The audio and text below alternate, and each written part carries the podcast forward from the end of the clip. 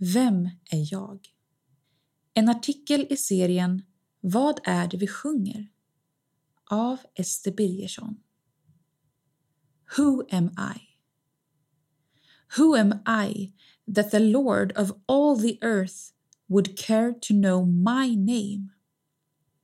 Would care to feel my hurt? Who am I that the bright and morning star would choose to light the way for my ever wandering heart. Not because of who I am, but because of what you've done. Not because of what I've done, but because of who you are. I am a flower quickly fading, here today and gone tomorrow a wave tossed in the ocean, a vapor in the wind.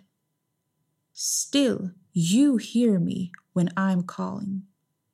Lord, you catch me when I'm falling. You've told me who I am. I am yours. Who am I that the eyes that see my sin would look on me with love? And watch me rise again. Who am I that the voice that calmed the sea would call out through the rain and calm the storm in me? I am yours. I am all yours. Whom shall I fear? Whom shall I fear? Because I am yours. I am yours. Av Mark Hall. Vem är jag? Vad är jag värd? Frågorna snurrar allt för ofta runt i mina tankar utan att få något svar. Och när jag läser i Bibeln fortsätter frågorna poppa upp. Gäller det här verkligen mig? Dog Jesus just för mig? Varför skulle han göra det? När jag gick på bibelskola och hörde låten Who am I för första gången var frågan Vem är jag? högst aktuell. Den kom från nya klasskompisar, nya människor omkring mig och så även från mig själv. Jag hade inte direkt något svar.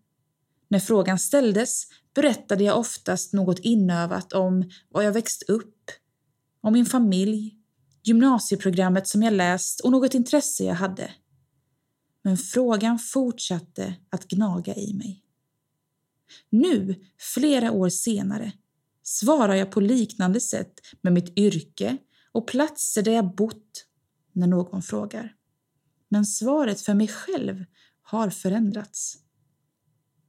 Den här låten påminner mig om att jag är någon som är här en kort tid som en våg i havet eller som en blomma som växer för att sedan vissna och dö.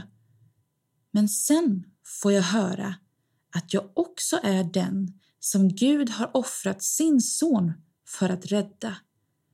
Att jag aldrig är ensam. Att Gud alltid är nära för att hjälpa, beskydda och stilla stormarna inom mig. Att det finns någon som lyssnar på mig när jag ropar eller fånga mig när jag faller. Jag får höra att jag är älskad, älskad av Gud. Att det är min identitet. Jag är Guds älskade barn. Och allt detta är jag, inte på grund av något som jag själv gjort, utan på grund av vad Jesus har gjort och på grund av vem Gud är. Jag är inte en i mängden utan jag är Guds utvalda. Han vill vara nära mig och han älskar mig mer än jag kan förstå.